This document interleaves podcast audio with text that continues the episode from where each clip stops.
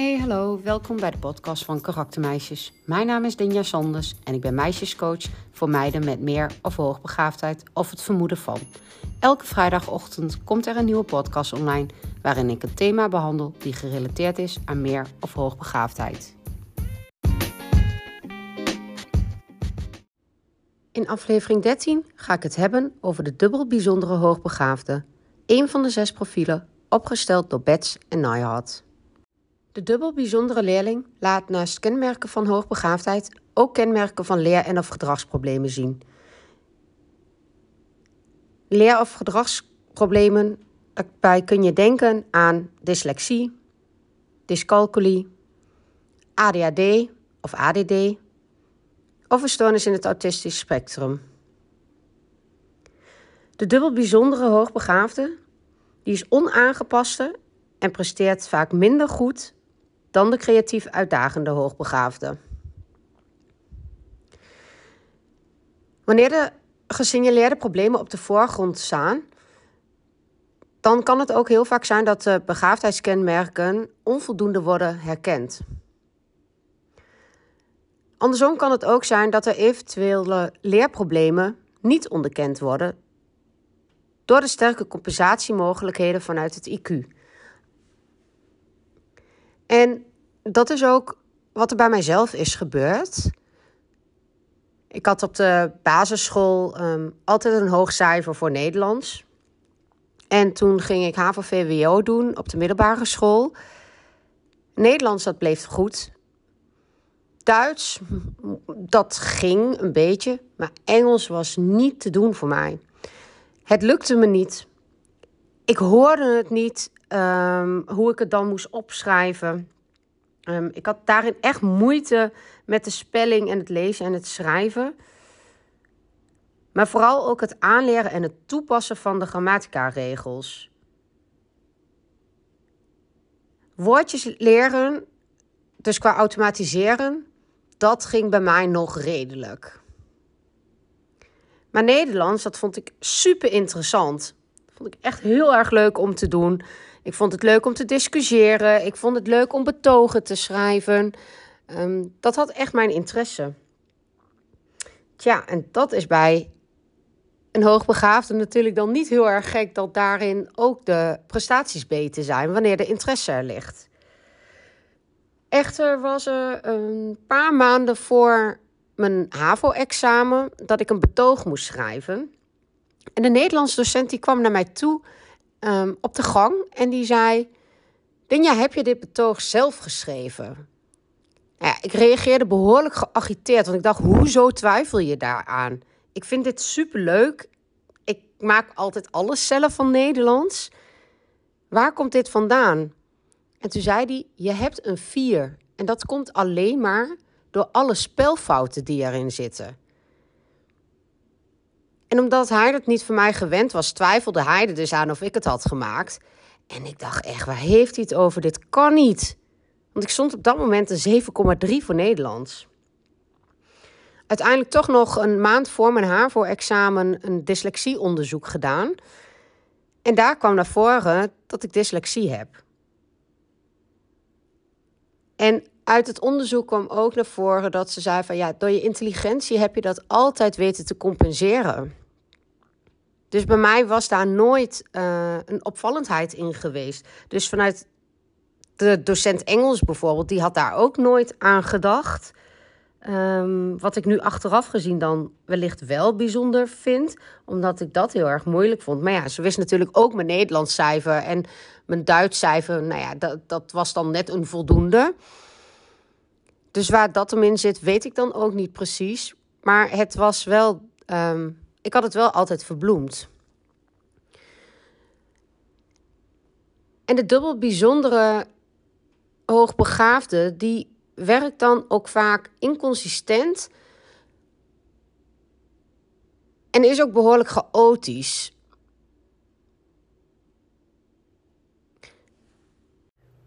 Het kan zijn dat de leer- of gedragsstoornis de oorzaak is van de gesignaleerde problemen.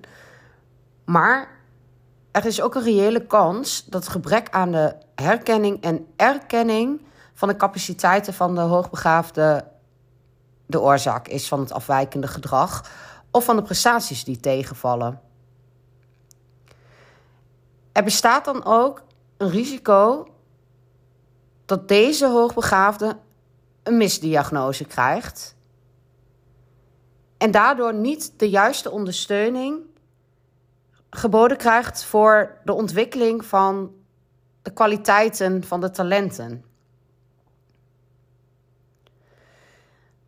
Wat relatief vaak kenmerkend is voor de dubbel bijzondere hoogbegaafde, is dat hij of zij al vanaf een jonge leeftijd eigenlijk een disharmonie in zichzelf ervaart. Waarin de belemmerende factoren juist de boventoon voeren. Maar het kan ook zijn dat juist de kwaliteiten de boventoon voert. Hoe dan ook, vaak voelt de dubbel bijzondere hoogbegaafde zich gefrustreerd, niet begrepen en daardoor ook dom. Wat ervoor kan zorgen dat er dus problematisch gedrag wordt waargenomen. Worden nu wel de kwaliteiten gezien en bekrachtigd, erg belangrijk, dan blijft de compensatie voor de belemmerende factoren nodig.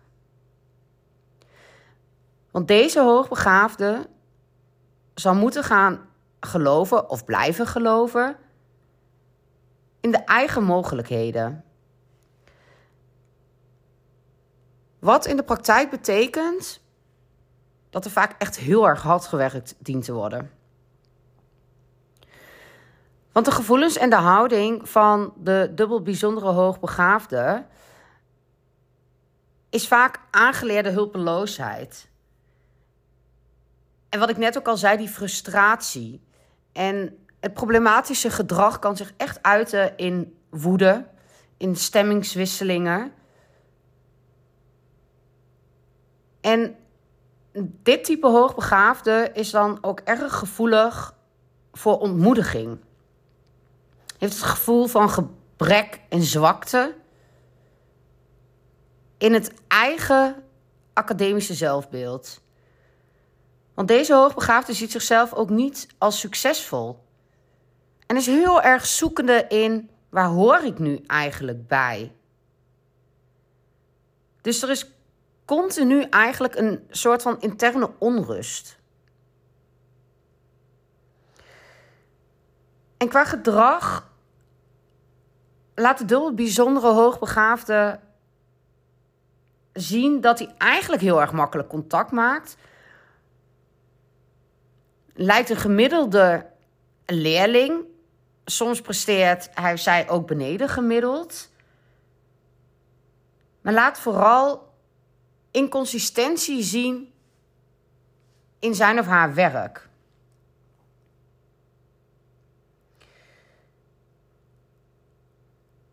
Wat deze hoogbegaafde op school ook ehm, kan doen, is storend zijn, niet taakgericht, heeft wel een goed probleemoplossend uh, vermogen en denkt heel erg vaak in concepten en ideeën. Wat mooie kwaliteiten ook zijn, is dat de dubbel bijzonder hoogbegaafde vaak heel erg goed is in problemen oplossen. Houdt van nieuwe dingen en van complexe zaken. Maar daarnaast is hij ook vaak heel erg ongeorganiseerd. En heeft tevens vaak een ehm, trage informatieverwerking. En kan ook moeite hebben om om te gaan met ontwikkelingsgelijken.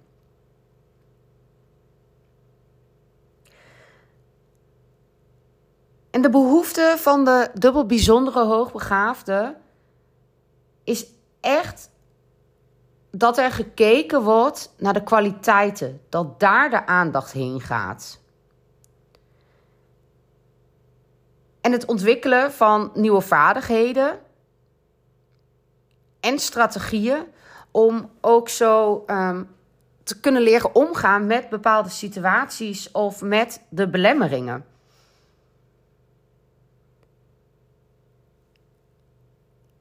En het, de dubbel bijzondere hoogbegaafde heeft naast zijn hoogbegaafdheid dus een leer- of gedragsstoornis.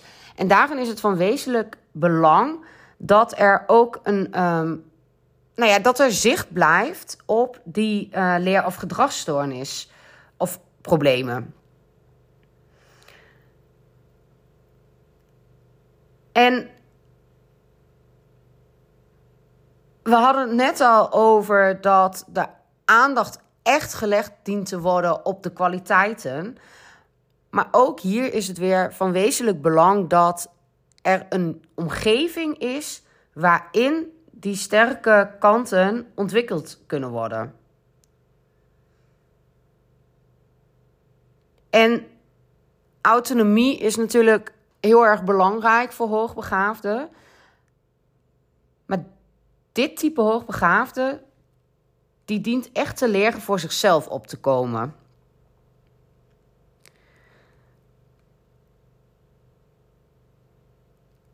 Het lastige is bij de dubbel bijzondere hoogbegaafde dat deze eigenlijk heel erg vaak wordt onderschat en niet wordt herkend. Want in het meest gunstige geval vallen zij op door patronen van, nou ja, enerzijds steeds minder presteren en anderzijds juist de kwaliteiten laten zien. Dus wanneer het vermoeden is dat je te maken hebt met een dubbel bijzondere hoogbegaafde, dan is eigenlijk vaak het nog steeds noodzakelijk dat er een breed onderzoek komt, waarin er met name gekeken dient te worden: wat is nu de meest passende en helpende manier qua ondersteuning, zodat de kwaliteiten verder ontwikkeld kunnen worden?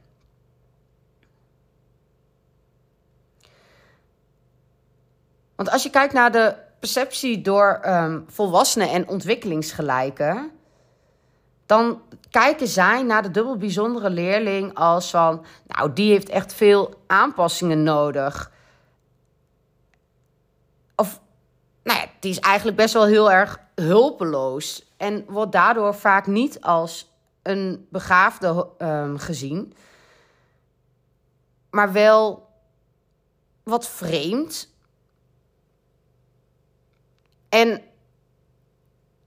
het wordt ervaren, weet je, dat deze hoogbegaafde veel structuur nodig heeft.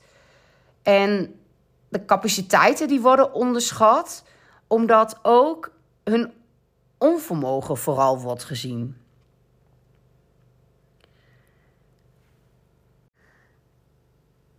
En als je nu kijkt naar een goede ondersteuning, zowel thuis als op school, dan is het belangrijk dat wanneer de dubbel bijzonder hoogbegaafde eenmaal is herkend en erkend, dat aan de ene kant dus die sterke kanten bevorderd worden en gestimuleerd, maar aan de andere kant is compensatie ook nodig. Het is belangrijk dat dit type weer durft te leren en durft voor ontwikkeling te gaan. Dus ook hier zal het weer door die leerkeul moeten. En het is wenselijk dat er realistische doelen gesteld worden, zodat die doelen ook behaald kunnen worden. Dus dat er succeservaringen opgedaan worden. En intrinsieke motivatie is hierbij van belang en helpend. Dus ga kijken waar is de dubbel bijzondere hoogbegaafde goed in. Ga daar op een stukje uitdaging zitten. Maar help tegelijkertijd de minder goede kanten te compenseren. Blijf positief bekrachtigen van de kwaliteiten. En door de leerkuil heen te gaan, dan zorg je er ook voor dat er uh, mogelijkheden komen om risico's weer te nemen. En dat is in deze belangrijk, want daarin kun je dan gelijk ook zorgen dat er ondersteuning komt met betrekking tot um, zelfregulatie. Want dat doet wat met ieder persoon, als je dus tegen die muur oploopt en als jij een hulpeloos gevoel hebt, laat je daarin ook ander gedrag zien. En kan dus de gedragsproblemen, die kunnen dan dus vergroot worden. Op zo'n moment is het van belang dat je er echt bent voor dit type hoogbegaafde. Geef prioriteiten aan uitgedaagd worden. Maar ga ook versnellen op gebieden waarin deze hoogbegaafde sterk is. En een hele belangrijke vraag is: wat is er nodig zodat dubbel bijzondere hoogbegaafde succesvol kan zijn. Ga daar het gesprek over aan. En ook hè, doordat dit type hoogbegaafde het soms heel ingewikkeld vindt om met ontwikkelingsgelijken om te gaan, kan het heel erg helpend zijn wanneer hij of zij toch in een plusklas of nou ja, um, hoe de klas dan ook heet, waarin um, hoogbegaafden samenkomen en um, extra uitdaging krijgen en met andere projecten aan de slag gaan. Want ook daar ligt een um, heel erg helpend leerproces. Maar bovenal geef het gevoel van gezien en gehoord worden. Ga samen realistische doelen opstellen. Breng kwaliteiten in kaart. Ga die positief bekrachtigen. En blijf ook denken en stilstaan en ondersteunen in het andere stukje. Dus niet alleen in die hoogbegaafdheid.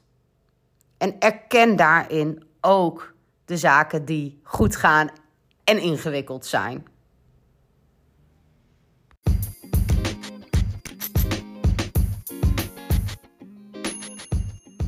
Ik zou het tof vinden als je me laat weten wat je van deze aflevering vindt.